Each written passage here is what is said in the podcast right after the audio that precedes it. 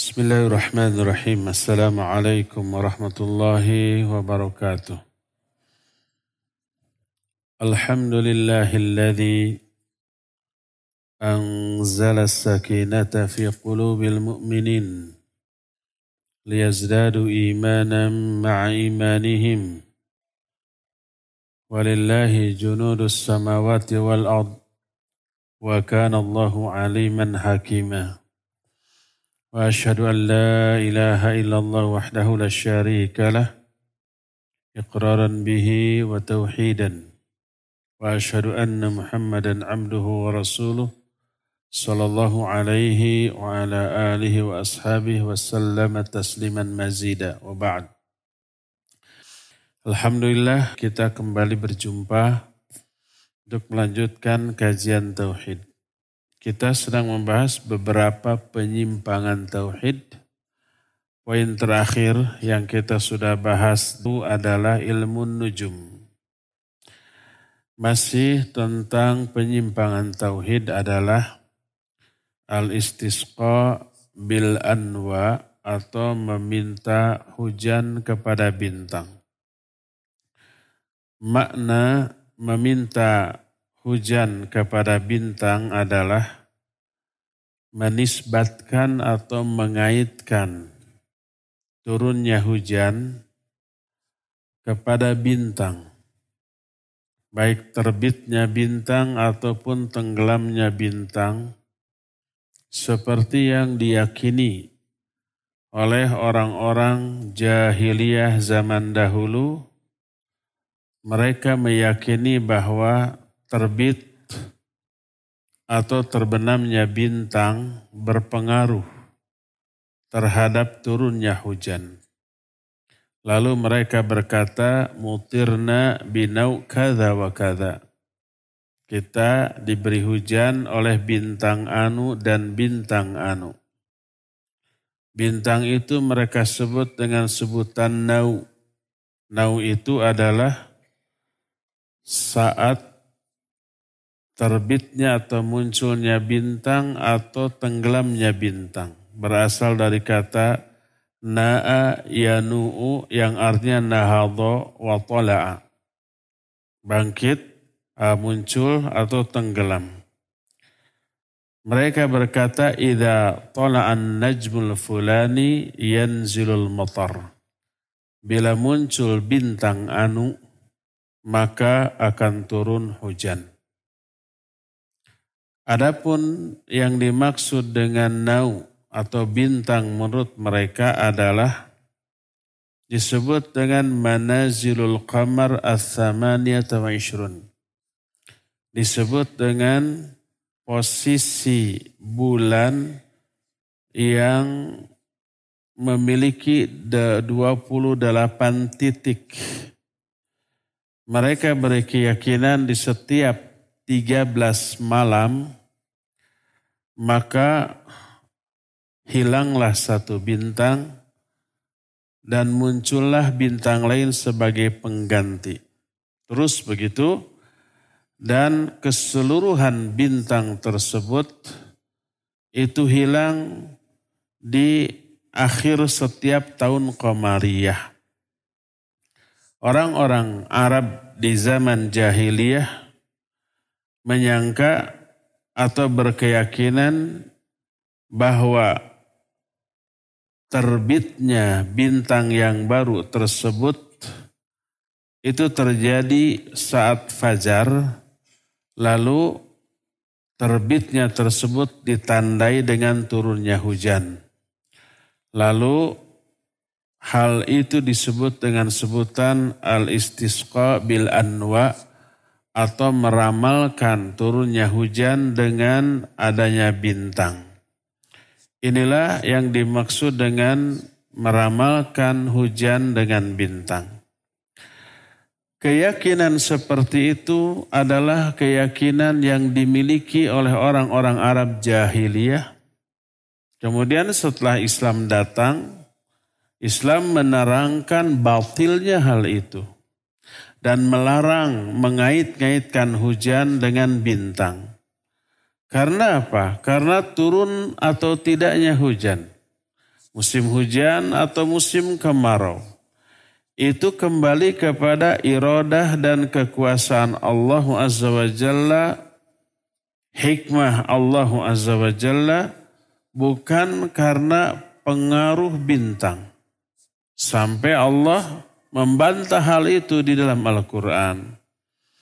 Allah berfirman dalam surah Al-Waqi'ah sejak mulai ayat 75 sampai ayat 82 Allah berfirman uqsimu bimawaqi'in nujum wa innahu laqasamun law ta'lamuna 'azim Innahu laqur'anun karim fi kitabim maknun la yamassuhu illa al-mutahharun tanzilu min rabbil alamin. Afa bihadzal hadithi antum mudhinun. Wa taj'aluna rizqakum annakum tukadzibun. Kata Allah Azza wa Jalla, aku bersumpah dengan mawaqi'un nujum dengan garis orbit bintang-bintang. Dan ini adalah sumpah yang agung. Kalau kalian mengetahui, sesungguhnya ini adalah Al-Quran yang mulia. Yang tercatat dalam kitab yang terpelihara, maksudnya lahul mahfud Lauhul Mahfud itu tidak bisa disentuh kecuali oleh makhluk-makhluk yang disucikan yaitu para malaikat. Tanzilu min Rabbil Alamin, Quran ini turun dari Rabb, penguasa semesta alam. Apakah tentang Quran ini? Apa bihadal hadithi antum mudhinun? Kalian abaikan Al-Quran ini, terus wataj'aluna rizqakum annakum tukadzibun. Lalu kalian menjadikan rizki-rizki kalian lalu kalian mendustakan pemberi rizki ini. Ketika menjelaskan ayat ke-82 kalian mendustakan rizki dari Allah. Maknanya mengaitkan turunnya hujan yang merupakan rizki yang Allah turunkan dari langit, mereka kaitkan turunnya hujan itu kepada bintang. Bahwa hujan ini turun karena bintang anu. Mereka bilang mutirna binau kada wa kada. Kita diberi hujan itu oleh bintang anu dan bintang anu.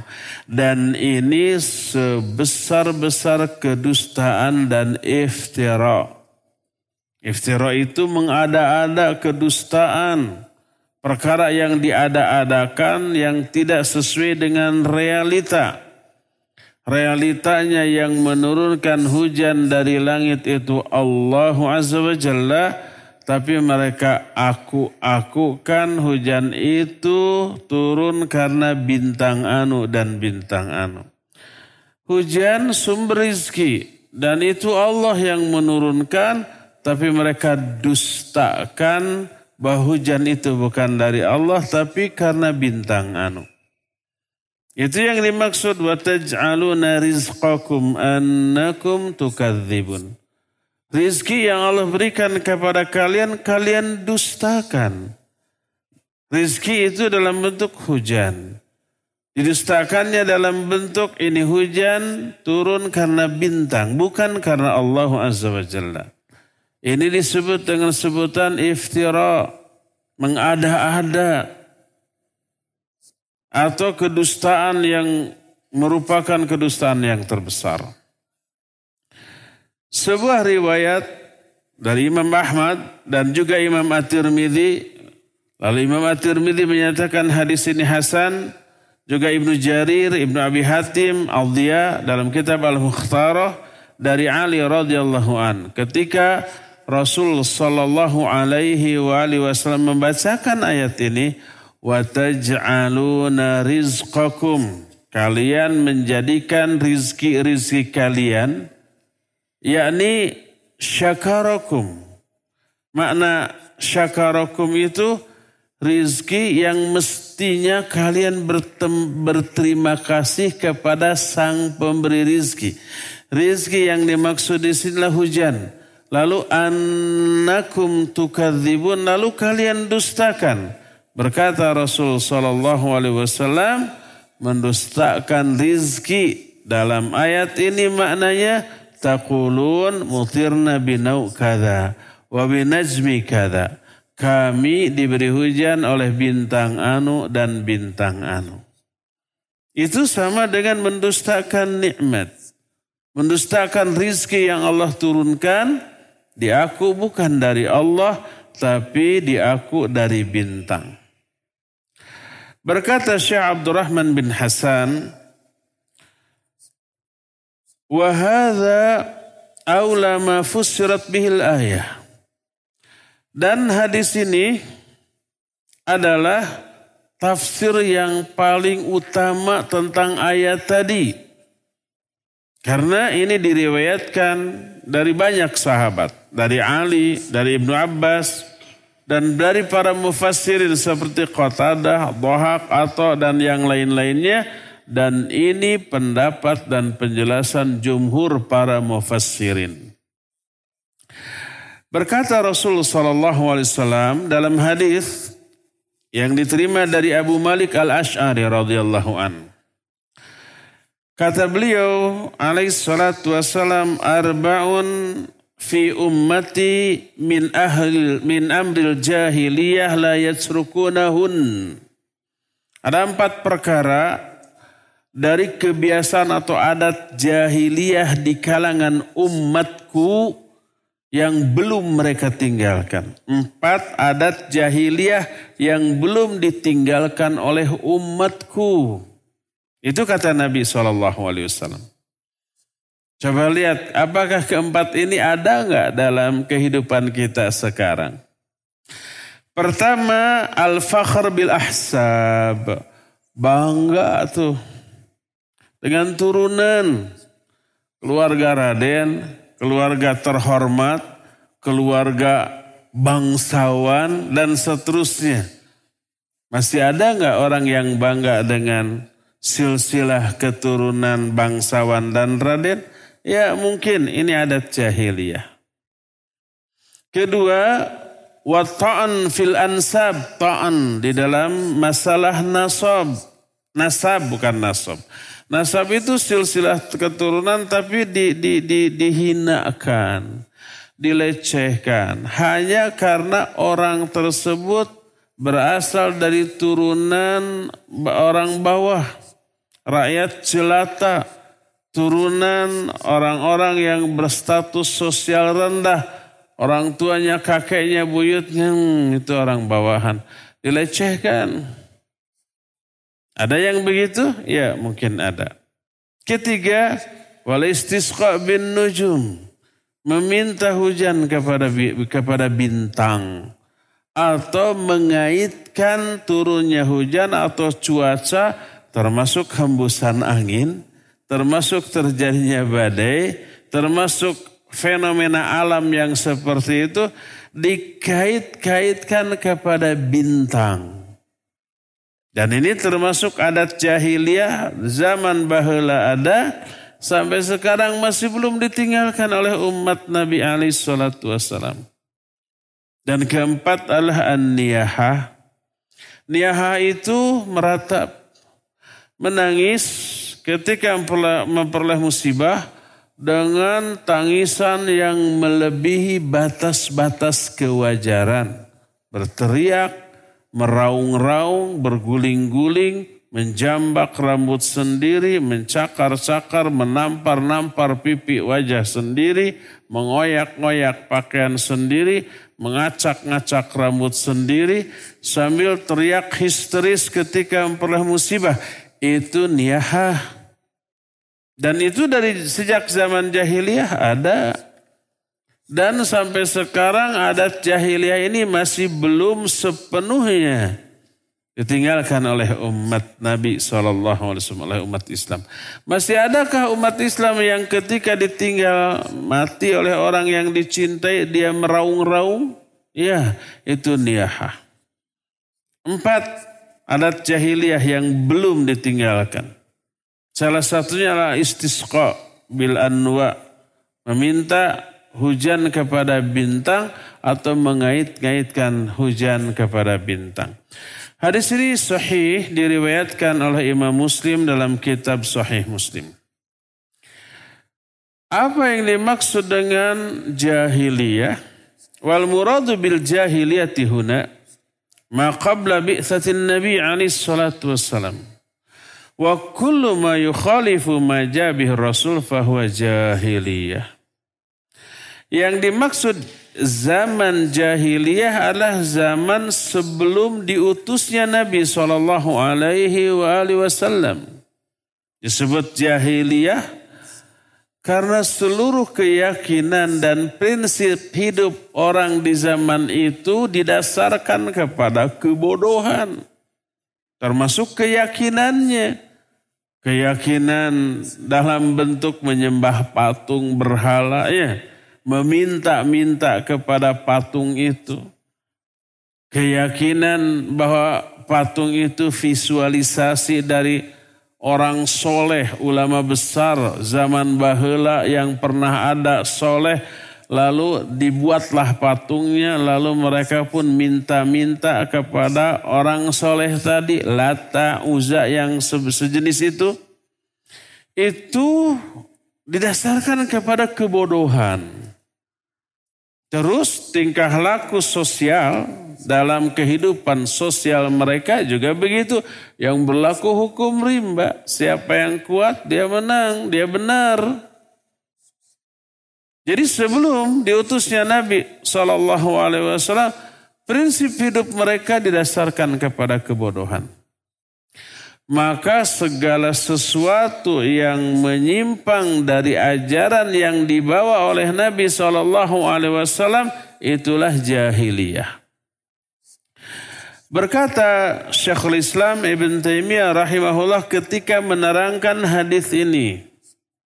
Kata beliau, akhbaro anna ba'd ahli jahiliyah la yatrukuhun nas kulluhum Zaman liman lam yatrukhu wa hadha kulluhu yaqtadi anna ma kana min ahmil jahiliyah wa fi'lihim fahuwa madmumun fi, fi dinil Islam. Wa illa lam yakun fi idafati hadhihi munkarat ila jahiliyah dhammun laha. Wa ma'lumun anna idafata ila jahiliyah kharaja makhraj dham. Kata Syekhul Islam tentang mana hadis ini. Dalam hadis ini Nabi Wasallam mengabarkan tentang sebagian adat jahiliyah yang belum ditinggalkan oleh manusia. Dan ini merupakan celaan kepada orang yang belum meninggalkannya. Kepada orang yang masih mengerjakannya. Dan hadis ini mengandung makna bahwa seluruh perkara jahiliyah serta perbuatan mereka itu tercela di dalam ajaran Islam. Karena itulah maka Nabi Shallallahu Alaihi Wasallam menerangkan empat perkara jahiliyah yang belum ditinggalkan oleh umatnya ini dalam rangka mencela perbuatan itu. Disayangkan ada umatnya yang masih memegang teguh empat perkara jahiliyah tadi. Jadi diidofatkan atau disandarkannya perkara tadi kepada jahiliyah merupakan celaan. Allah berfirman tuh dalam Al-Quran. Al-Ahzab ayat 33. Khusus kepada para wanita. Wanita muslimah. Allah berfirman wala tabarrajna tabarrujal jahiliyatil ula. Janganlah kalian hai para wanita bertabarruj seperti tabarrujnya orang-orang jahiliyah di zaman dahulu. Ayat ini merupakan celaan kepada tabarruj dan celaan kepada masa zaman jahiliyah dahulu. Makanya dilarang. Kalian jangan bertabarut seperti tabarutnya orang jahiliyah dulu. Ada dua yang dicela di dalam ayat ini.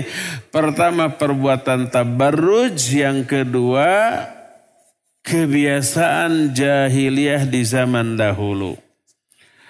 Dan celaan ini mengandung makna larangan menyerupai orang-orang jahiliyah. Sampai tabarruznya juga dalam bentuk wanita berdandan untuk tampil menarik di hadapan laki-laki dilarang oleh Allah SWT dalam ayat itu lalu dikait-kaitkan dengan masa yang tercela yaitu masa jahiliyah zaman dahulu. Nah salah satu di antara adat jahiliyah tersebut al-istisqa bin nujum mengait-ngaitkan hujan dengan bintang.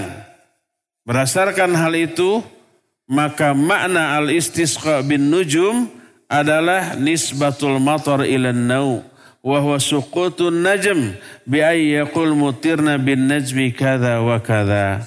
Makna meminta hujan kepada bintang adalah mengkait-kaitkan, menghubungkan hujan kepada bintang tertentu dengan mengatakan kita diberi hujan oleh bintang anu dan bintang anu. Berkata mu'alif itu sesuai al-Fauzan hafizahullah ta'ala. Kata beliau, wa hukmul istisqa bil anwa' أنه إن كان يعتقد أن له يعتقد أن له تأثيرا في إنزال المطر. فهذا شرك وكفر أكبر. وهو الذي يعتقد أهل الجاهلية. وإن كان لا يعتقد للنجم تأثيرا وأن المؤثر هو الله وحده ولكنه أجرى العادة بوجود المطر إن سقوط ذلك النجم فهذا لا يصل إلى الشرك الأكبر ويكون من الشرك الأصغر لأنه يحرم نسبة المطر إلى النجم ولو على سبيل المجاز سدا للذريعة. Bagaimana hukum mengait-ngaitkan hujan dengan bintang. Mungkin ada ilmu tertentu yang berkeyakinan bahwa hujan ini turun karena posisi bintang demikian dan demikian. Yang mengatur bintang demikian itu Allah. Bukan bintang itu sendiri yang mengatur dirinya sendiri, tapi Allah yang mengatur tapi pengaturan Allah terhadap bintang itu menunjukkan turunnya hujan. Mengakibatkan turunnya hujan. Boleh enggak yang seperti itu? Sebab tidak berkeyakinan bintang yang menjadi penurun hujan. Yang menyebabkan turunnya hujan tentu Allah. Tapi proses turunnya hujan itu dengan cara bintang diposisikan dengan posisi tertentu lalu turun hujan. Bolehkah? Dijelaskan oleh Susul Al-Fuzan. Bila diyakini bahwa bintang punya pengaruh terhadap turunnya hujan, betul-betul bintang itu yang menjadi penyebab turunnya hujan, ini syirik besar, kufur besar. Keluar dari Islam. Karena meyakini ada mudabir lain di dunia ini selain Allah. Mudabir itu pengatur. Syirik di bidang rububiyah. Ada dua pengatur, Allah dan bintang. Termasuk sekalipun sekedar mengatur turunnya hujan. Bintang bisa mengatur turunnya hujan. Syirik itu orang. Syirik besar bukan syirik kecil. Syirik di bidang rububiyah dan kufur. Dan ini yang diyakini oleh orang-orang jahiliyah zaman dahulu. Ini pertama. Kedua, kalau tidak berkeyakinan bahwa bintang sebagai penyebab turunnya hujan. Yang menjadi penyebab utama tetap Allah Azza wa Jalla.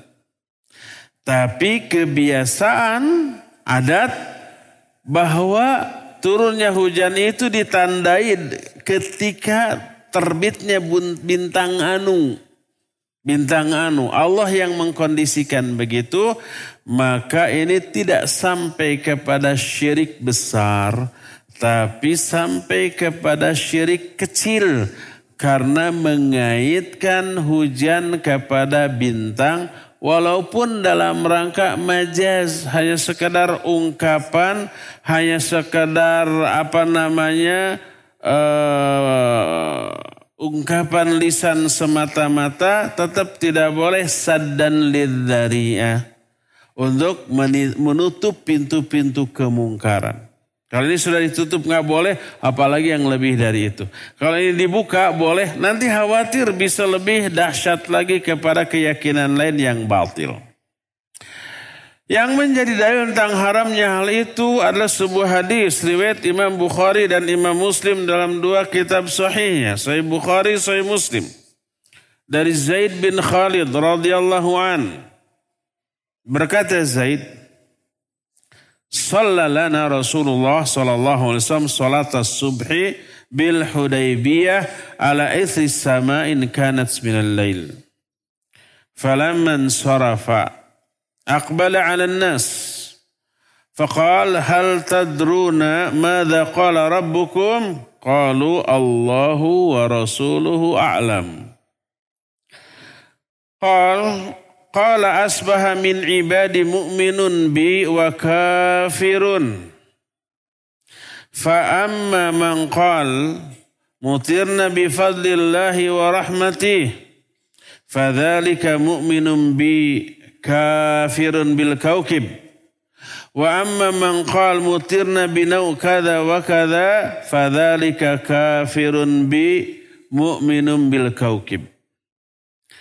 Kata Nabi sallallahu alaihi wasallam kata Zaid bin Khalid Rasulullah sallallahu alaihi wasallam mengimami kami salat subuh di Hudaybiyah.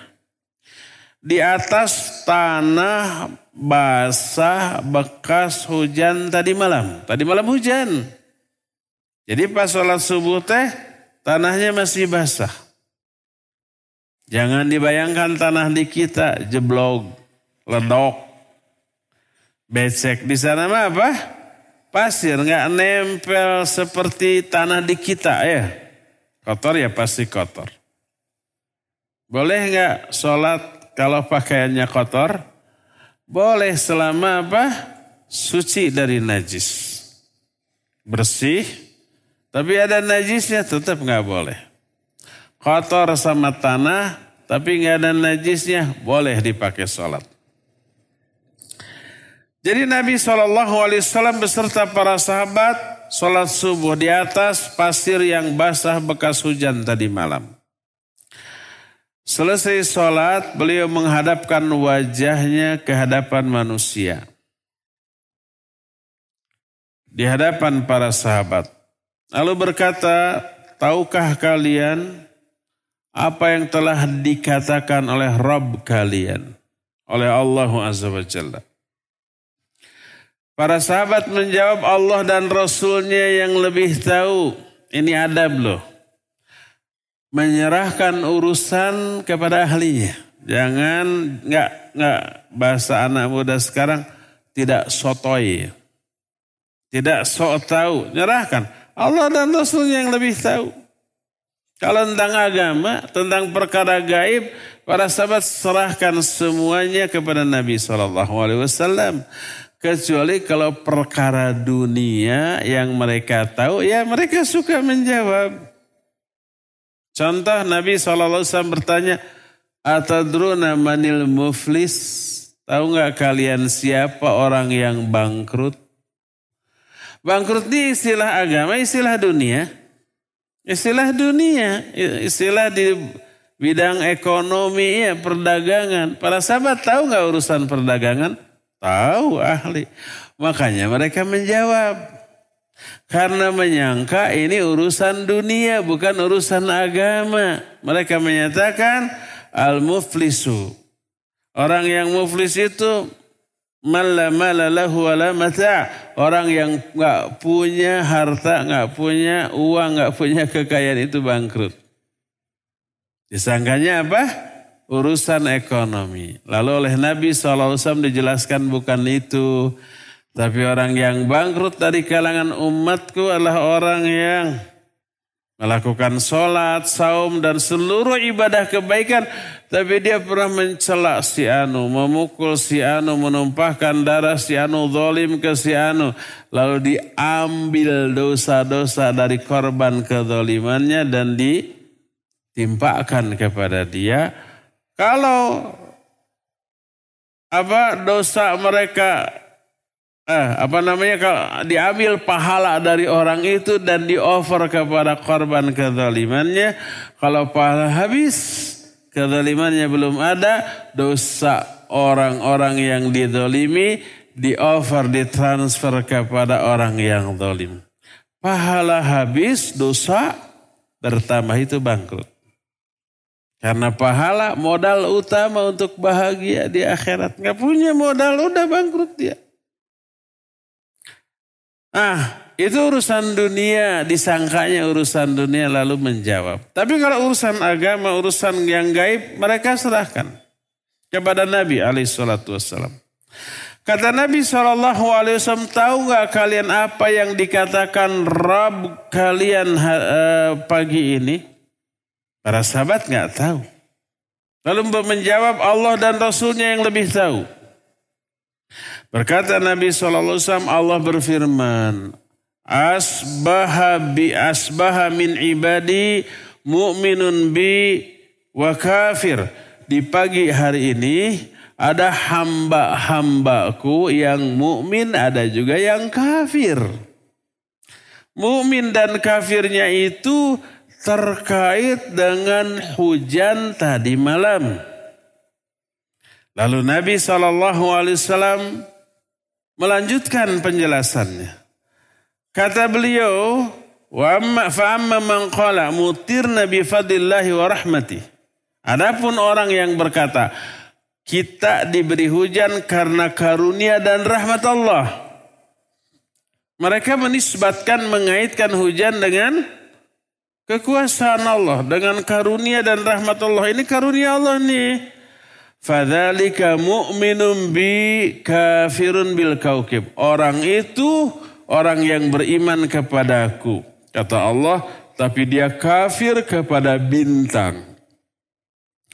Kafir kepada bintang itu bagus atau benar? Bagus dan benar. Kafir kepada bintang. Mumin kepada Allah. Karena apa? Karena mengaitkan hujan kepada Allah kepada karunia dan rahmat Allah dan ini benar. Terus kata beliau wa amma man qal mutirna binau kada wa kada. Adapun orang yang berkata kita diberi hujan oleh bintang anu dan bintang anu Fadzalika kafirun bi mu'minun bil kaukib. Orang itu kafir kepadaku dan iman kepada bintang. Jadi hamba-hamba Allah di pagi itu yang kafir dan yang mukmin berkaitan dengan hujan. Hujan tadi malam nggak seberapa, cuma menisbatkan mengaitkan hujan dengan bintang udah kafir kepada Allah. Nggak seberapa, cuma mengaitkan hujan kepada karunia dan rahmat Allah, dia mumin kepada Allah Azza wa. Ketika menerangkan hadis ini berkata sesuai Al-Fauzan. Asbaha min ibadi mu'minun bi wa kafir. Wa fussira al-mu'min bi annahu alladhi yansibul matar ila fadlillahi wa rahmatih. Wa fussira al-kafir bi annahu alladhi yansibul matar ila al-kawkib وهذا فيه دليل على أنه لا تجوز نسبة أفعال الله إلى غيره وأن ذلك كفر فإن اعتقد أن للكواكب تأثيرا في إنزال المطر فهذا كفر أكبر li'annahu isyrakun fir rububiyah wal musyriku kafirun wa illam ya'takid anna lil kawakib ta'thiran fi inzal matar wa inna ma nasabahu ilaiha majazan fahadha muharramun wa huwa minasyirkil asghar li'annahu nasaba ni'matallahi ila ghairihi Kata si Al Fauzan, perkataan Allah di dalam hadis kursi ini, pagi hari ini ada hambaku yang iman kepadaku, ada juga yang kafir. Lalu dijelaskan yang mukmin itu adalah orang yang mengaitkan hujan kepada karunia dan rahmat Allah dan yang kafir itu dimaknai, dijelaskan orang yang mengaitkan hujan kepada bintang. Maka di dalam hal ini terkandung dalil tidak boleh mengaitkan perbuatan Allah kepada makhluk. Hujan itu perbuatan siapa? Allah walladzi anzala minas samai ma'an. Dialah yang menurunkan dari langit air hujan. Allah yang menurunkannya. Itu perbuatan siapa? Perbuatan Allah. Tidak boleh mengaitkan perbuatan Allah kepada makhluk. Dan itu kufur. Seperti hadis tadi siapa yang berkata, kita diberi hujan oleh bintang anu, orang itu kufur kepadaku. Kenapa? Karena dia itu menyekutukan Allah dalam hal kerububiahan Allah dengan makhluknya. Menyamakan. Seolah-olah Allah punya tandingan, punya sekutu dalam hal pengaturan kejadian di alam. Ada yang bisa menurunkan hujan, tuh bintang. Dia menyekutukan Allah dengan bintang dalam hal menurunkan hujan. Orang itu syirik di bidang rububiyah dan syirik kufur keluar dari Islam. Kalau dia meyakini bahwa bintang itulah penyebab turunnya hujan. Wa ilam ya'takid anna lil kawakib ta'thiran fi inzil matar. Tapi kalau dia tidak berkeyakinan bahwa bintang itu yang menurunkan hujan. Dia hanyalah mengatakan itu sebagai majaz. Sebagai ungkapan saja. Maka ini diharamkan. Dan termasuk syirik kecil. Karena menisbatkan nikmat dari Allah kepada makhluk mengait-ngaitkan nikmat Allah yang berupa hujan dikaitkan kepada makhluk maka ini tidak boleh. Berkata Imam Al-Qurtubi rahimahullahu taala Kata Imam Al-Qurtubi. Wa kanatil arabu idha tala'an najmu minal masyriq saqata akhar minal maghrib. Fahaddatha inna dhalika matarun aw rihun. فمنهم ما ينسبه إلى الطالي ومنهم ما ينسبه إلى الغارب الساقط نسبة إيجاد واختراع ويطلقون ذلك القول المذكر في الحديث فنهى الشرع عن إطلاق ذلك لئلا يعتقد أحد اعتقادهم walaytashabbah bihim fi nutqihim. Kata Imam Al-Qurtubi, orang-orang Arab jahiliyah zaman bahula, zaman dahulu. Kalau muncul bintang dari arah timur dan tenggelam bintang lain dari arah barat. Lalu dalam keadaan begitu terjadilah hujan atau bertiuplah angin. Maka di antara orang Arab jahiliyah ada yang mengait-ngaitkan kejadian itu kepada bintang yang terbit. Ada juga yang mengaitkan kejadian itu kepada bintang yang tenggelam. Jadi ada dalam waktu yang bersamaan di daerah timur muncul bintang, daerah barat tenggelam bintang. Lalu terjadi hujan atau angin bertiup kencang di saat seperti itu. Ada yang menyatakan, oh hujan ini atau angin itu karena bintang ini nih yang muncul. Yang lain, enggak karena bintang yang tenggelam ini baru terjadi hujan atau angin. Nah begitu, menghubungkan fenomena alam dengan bintang yang terbit ataupun yang tenggelam. Maka mereka mengatakan ucapan tersebut persis seperti yang diterangkan dalam hadis tadi.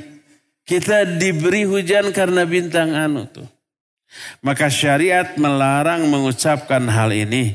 Jangan sampai ada orang yang meyakini dengan keyakinan seperti mereka, lalu berkata dengan perkataan seperti mereka. Dalam Sahih Muslim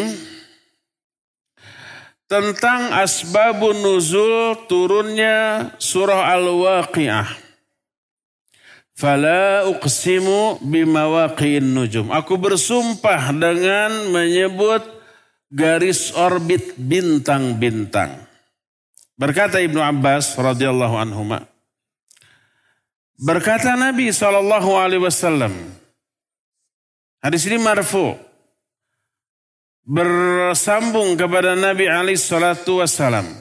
Kata Nabi, Qala ba'duhum laqad kada wa kada. Sebagian orang di zaman Nabi masih hidup ada yang berkata benarlah bintang ini dan bintang ini. Dia telah menurunkan hujan kepada kita. Karena itu turun ayat ini fala uqsimu bimawaqi'in nujum sampai ayat wa taj'aluna rizqakum annakum tukadzibun. Jadi mereka mengaku dapat rizki berupa hujan, tapi nikmat rizki berupa hujan itu mereka dustakan sebagai nikmat bukan dari Allah. Tapi dari bintang. Padahal turunnya hujan dari Allah Azza wa Jalla Allah yang mengatur. Tak ada makhluk mati ataupun makhluk hidup yang memiliki peran sedikit pun dalam hal menurunkan hujan atau keputusan menurunkan hujan. Kalau bintang benda hidup apa benda mati? Benda mati walaupun besar gede. Jangankan benda mati makhluk hidup seperti para malaikat juga enggak. Yang memutuskan Allah Azza wa Jalla. Ya. Allah berfirman dalam surah Al-Waqi'ah ayat 6, 8, 6, 9. Afara'aitumul ma'alladhi tashrabun. A'antum anzaltumuhu minal muzni am nahnul munzilun. Kata Allah. Apakah kalian tidak memperhatikan air yang kalian minum? Coba kalian perhatikan air yang kalian minum. Antum anzaltumuhu minal muzni am nahnul munzilun. Kaliankah yang menurunkan air itu dari awan atau kami? Kata Allah. Lau nasya'u ja'alnahu ujajan. Falaula tashkurun. Seandainya kami mau, seandainya kami menghendaki, niscaya kami jadikan air hujan itu asin. Kalau asin bisa diminum apa tidak? Bisa diminum tidak kalau asin? Bisa, tapi tambah haus. Air laut bisa diminum? Bisa, cuma tambah membahayakan kita. Akhirnya kita nggak mau minum. Lau nasya'u ja'alnahu ujajan falaula tashkurun. Seandainya kami mau, kami jadikan air-air hujan itu asin. Kenapa kalian tidak bersyukur? Ayat ini menjelaskan yang menurunkan hujan Allah. Yang membuat kalian bisa minum akibat air hujan tersebut. Jangan dibantah. Saya nggak minum air hujan tuh. Iya, yang saya minum air sumur umpamanya. Air sumur itu berasal dari mana? Dari adanya air hujan. Coba kalau kemarau dua bulan saja. Ada nggak sumurnya air itu di sumur? Nggak ada. Sumur-sumur semua kering. Sawah-sawah semua kekeringan. Sungai kolam pun sering kali kering. Kalau musim apa? Musim kemarau. Kalau Allah tidak menurunkan hujan. hujan.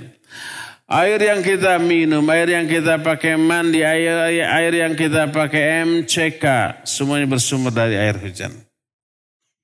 Dengan air hujan, kolam jadi penuh dengan air. Sumur jadi penuh dengan air. Sawah jadi ter, ter, teraliri dengan air. Semuanya subur, sejahtera. Berasal dari air hujan. Siapa yang menurunkan hujan? Allah. Kata Allah, Afara'aitumul ma'alladhi tashrabun. Apakah kamu memperhatikan air yang kamu minum?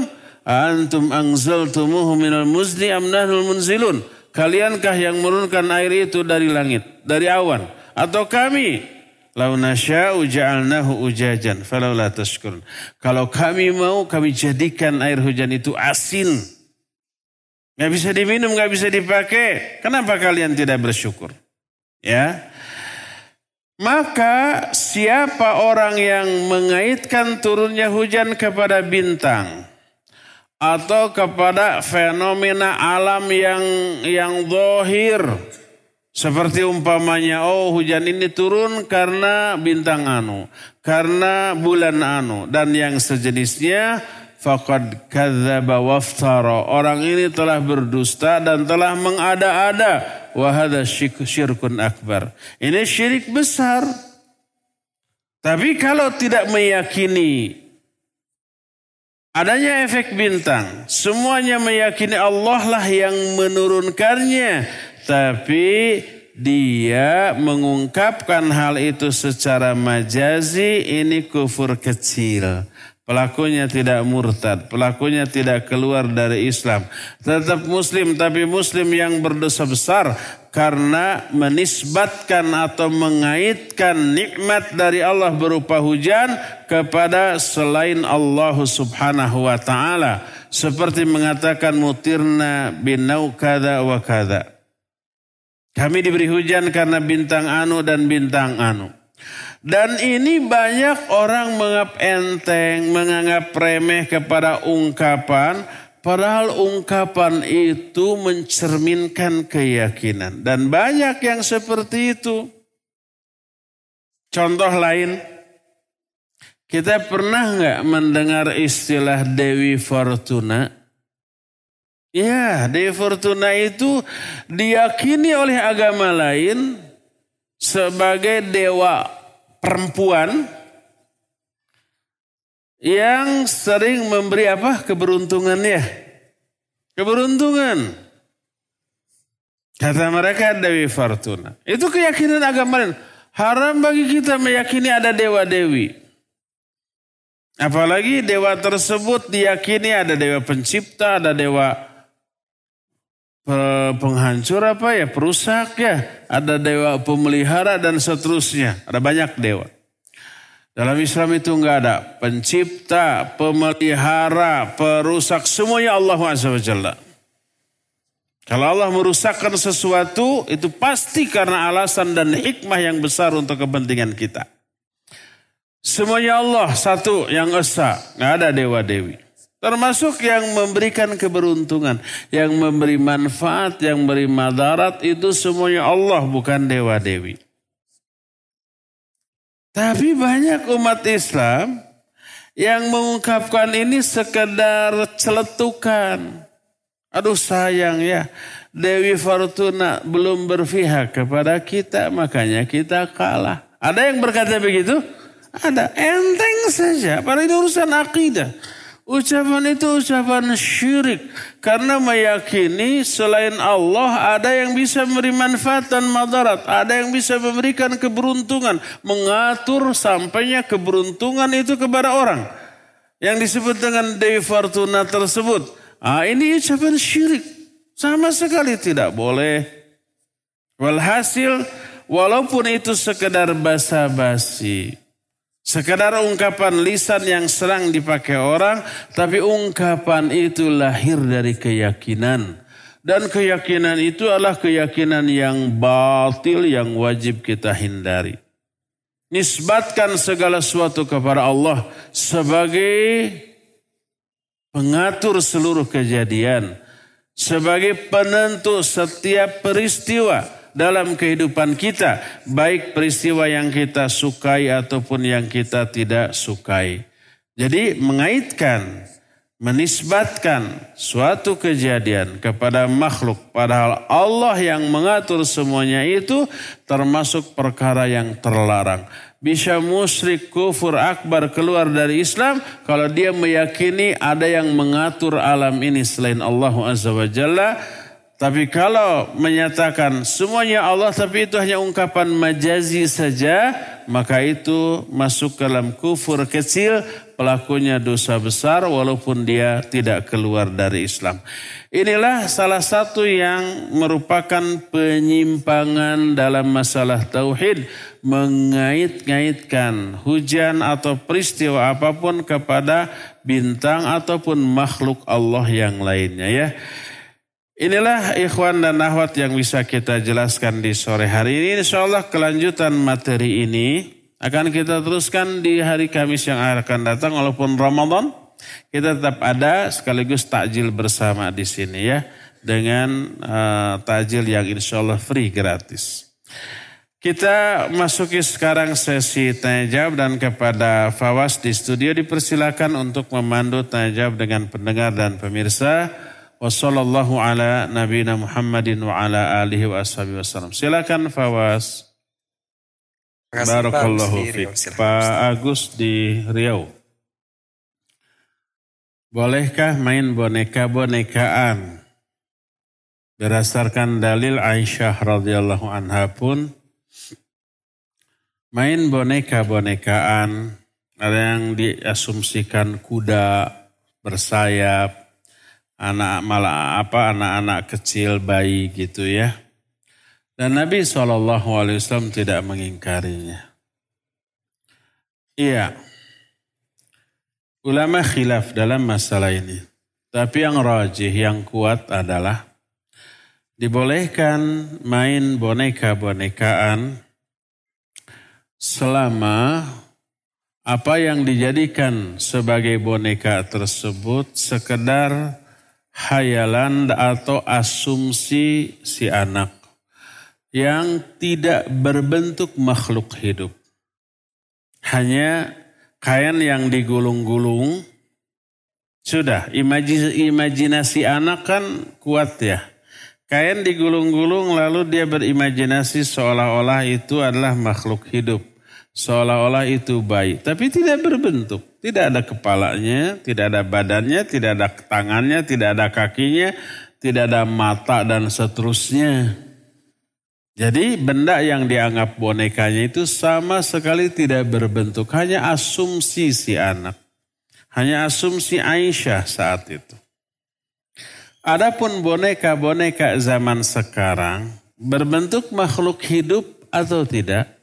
Bukan berbentuk lagi tapi apa? Persis. Bonekanya persis bayi beneran. Matanya ada dan matanya bisa berkedip ya enggak? hidungnya ada, terus bibirnya juga ada, bibirnya juga bisa menangis, bisa tertawa, bisa mencium, ya enggak? Bisa ngedot. Kalau dotnya dicabut, apa yang terjadi? Nangis, oe-oe, masukkan lagi, diam lagi, ketawa. Gitu kan? Tangannya, kakinya semuanya persis. Menyerupai makhluk hidup. Boleh apa tidak? Tentu saja termasuk hal yang terlarang pada larangan membuat patung secara umum. Karena benar-benar persis banget. Bahkan saya pernah tertipu. Bukan tertipu secara sengaja. Masuk ke sebuah toko pakaian bayi gitu. Beli bayi untuk hadiah bagi yang baru melahirkan. Di atas meja etalase ada anak kecil lagi duduk tersenyum gitu ya. Saya kaget itu kalau anak itu jatuh ke bawah gimana gitu. Mau dipangku udah lucu ya. Ternyata apa yang terjadi? Boneka persis seperti orang. Mbak ini dijual iya berapa? 3 juta. Loh, mending bayi beneran. Persis banget ukurannya, senyumnya semuanya ya. Tapi itu adalah boneka. Maka ini masuk ke dalam hal yang terlarang secara umum. Jangankan membuat patung tiga dimensi seperti itu, membuat gambar makhluk hidup saja itu sudah keras ancamannya sebagaimana yang sudah kita terangkan di pertemuan yang lalu. Asyaddun nasi azaban yaumal qiyamah al-musawwirun. Manusia yang paling hebat siksanya pada hari kiamat adalah tukang gambar. Para gambar dua dimensi loh, apalagi yang lebih dari itu, tiga dimensi, patung, apalagi yang bisa hidup, bisa bergerak, bisa menangis, bisa berkedip dan seterusnya itu lebih dahsyat lagi, ya. Dan dibolehkannya main boneka-bonekaan hanya sebatas tidak melanggar aturan syariat. Si bonekanya hanya sekedar asumsi orang yang memainkannya, anaknya yang memainkan itu. Hanya apa namanya, kain yang digulung-gulung ya, tapi tidak berbentuk. Tidak ada kepalanya, tangannya, kakinya, uh, matanya, hidungnya enggak. Tapi diimajinasikan ini anak saya, ini boneka. Boleh kalau begitu. Dan itu yang dilakukan oleh Aisyah radhiyallahu anha. Adapun sekali lagi main boneka-bonekaan yang persis makhluk hidup, maka itu terkena larangan secara umum tentang membuat makhluk hidup. Wallahu alam bisawab. Bismillah. Bagaimana jika menganggap suara hewan pertanda suatu musim? Contoh suara turais, tonggeret. Tanda bahwa itu musim kemarau sudah dekat. Ya barakallahu fiqh. Kalau memperkirakan sesuatu berdasarkan pengalaman tanpa meyakini bahwa penyebab terjadinya sesuatu itu makhluk tertentu, maka dibolehkan. Seperti kalau umpamanya awan sudah menghitam, angin bertiup kencang, petir menyambar-nyambar. Pengalaman ratusan kali, biasanya setelah itu apa yang terjadi? Turun hujan. Lalu kita mengatakan nampaknya akan turun hujan. Kita itu bukan meramal, tapi memperhitungkan berdasarkan pengalaman di masa yang lalu. Ya, itu akan turun hujan. Yang seperti itu boleh karena tidak mengandung keyakinan atau ucapan bahwa anginlah yang menjadi penyebab turunnya hujan. Enggak. Atau petirlah yang menjadi penyebab turunnya hujan. Enggak. Dengan keyakinan tetap Allah yang menurunkan hujan. Dengan tanda-tanda yang biasa.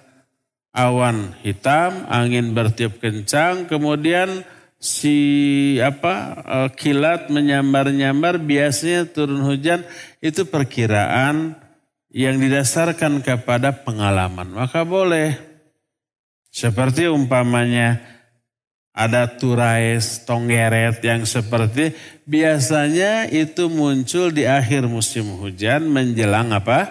Musim kemarau. Itu tanda. Berdasarkan pengalaman, perhitungan. Nah ini bukan ramalan. Dan tidak meyakini turais dan tonggeretlah sebagai penyebab kemarau. Enggak. Kan kita tidak berkeyakinan begitu kan.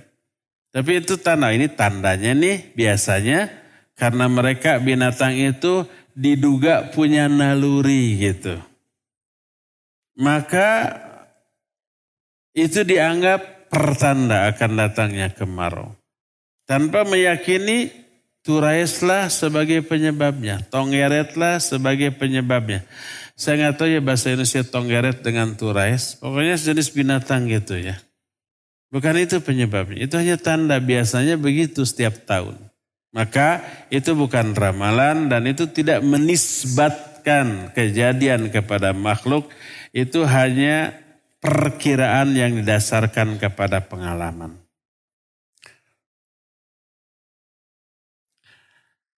bagaimana hukum memegang tangan yang bukan mahram dan adakah ancamannya? Iya, nggak boleh. Laki memegang tangan wanita dan sebaliknya, tidak boleh. Ada nggak larangannya? Banyak dalam Al-Quran, dalam hadis yang sahih. Al-Quran mah lebih enteng dari itu pun sudah terlarang. Allah berfirman, Qul lil mu'minina yaghuddu min absarihim. Katakan kepada laki-laki mukmin, tundukkan pandangan kalian, jangan menatap wajah atau bagian tubuh wanita. Natap aja nggak boleh, apalagi lebih dari itu. Perintah ini perintah untuk mencegah hal yang paling ringan otomatis yang lebih berat dari itu lebih terlarang. Mana yang lebih hebat pengaruhnya memegang atau menatap? Memegang. Memegang kerasa bangetnya. Menatap hanya kelihatan. Ada nggak ayat atau hadis yang melarang memeluk wanita yang bukan mahram? Tidak ada. Kalau memeluk. Tapi itu sudah include terlarang dengan ayat Jangan menatap wanita, tundukkan pandangan. Itu saja sudah terlarang. Sama dengan jangan mengatakan uf kepada orang tua, kepada ibu, kepada ayah. Tapi tidak ada larangan, jangan menempeleng, jangan membentak, nggak ada. Lalu dibentak, eh kamu nggak boleh dosa. Mana ayatnya? Mana hadisnya? Itu kan yang nggak boleh cuma bilang uf wala takullahuma uf. Uf yang nggak boleh, kalau ah mah boleh. Kalau membentak mah boleh, kalau sahau kadua gaplok, katilu nonjok boleh. Gak ada larangan. Nah, ini keliru. Kalau uf saja tidak boleh, apalagi lebih dari itu. Jangan sampai kita berpelukan dengan wanita. Ditegur haram loh. Mana ayatnya? Nih, kulil mu'minin yagudu bin absar. Itu mah menundukkan pandangan. Saya mah, saya sambil nunduk kok. Ah, jadi tidak boleh. Apa ancamannya? Nabi SAW menyatakan, kalau kepala kalian ditusuk dengan besi yang runcing, itu lebih baik bagi kalian daripada bersentuh dengan wanita yang bukan mahram. Kalau kalian berdesak-desakan dengan babi yang penuh darah dan nanah, itu lebih baik daripada kalian berdesak-desakan dengan wanita yang bukan mahram. Ya, terlarang. Bolehkah belajar ilmu filsafat? Mohon bertanya, eh mohon bantuannya agar saya bisa menjelaskan kepada murid saya di sekolah. Hukum asal mempelajari filsafat sudah diterangkan oleh para ulama. Termasuk ahli filsafat dari kalangan ulama Islam Al-Ghazali, Abu Hamid Al-Ghazali. Beliau menyusun kitab tentang filsafat yang diberi judul Tahafutul Falasifah. Tahafutul Falasifah itu artinya hmm, kritikan kepada para ahli filsafat. Beliau mempelajari filsafat sampai semendalam mungkin. Untuk apa? Untuk diketahui borok-boroknya, penyimpangannya, nilai-nilai bahayanya. Lalu setelah menguasai semuanya tahunan, beliau mengetahui bahayanya lalu keluar buku itu Tahafutul Falasifah. Di awal beliau menyatakan haram bagi setiap muslim untuk mempelajari filsafat. Imam Syafi'i rahimahullahu taala lebih uh, keras lagi hukmi fi ahli kalam kata beliau. Hukuman yang aku tetapkan bagi para ahli kalam. Ahli kalam itu orang-orang yang mempelajari dan menerapkan ilmu filsafat. Dia harus diarak berkeliling kampung sambil dipecuti dengan apa? Dengan pecut sambil dikatakan inilah hukuman bagi orang-orang yang meninggalkan Quran Sunnah dan berpaling kepada filsafat. Hah? Di perguruan tinggi Islam dulu nama IAIN. Sekarang WIN. Ada satu ilmu yang didasarkan kepada pola fikir filsafat namanya ilmu mantiq. Ilmu mantiq. Perbedaan ilmu kalam atau ilmu mantik dengan filsafat, kata mereka, kalau filsafat berasal bertitik tolak dari keraguan-raguan. Dicari dalil-dalil akal. Didapatilah keyakinan. Keyakinan berdasarkan dalil akal, itu filsafat.